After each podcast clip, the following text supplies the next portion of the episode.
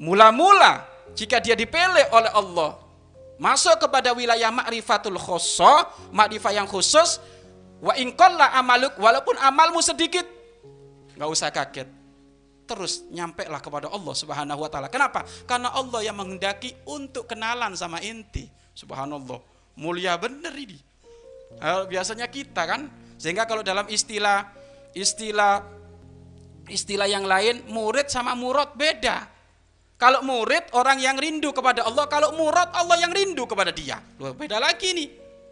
Murid capek-capek, bangun malam, malam-malam dipaksa ngantuk, suruh berdiri, pengen dikenal di hadapan Allah.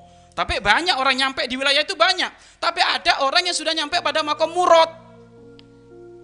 Murad itu apa? Allah yang menghendaki dirinya untuk untuk segera nyampe kepada Allah.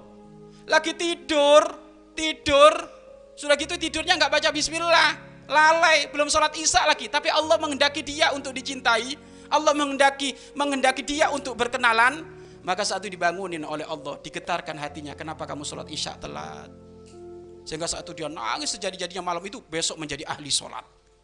Iya kan? Besok menjadi ahli iman. Ibadahnya semakin bah, semakin banyak.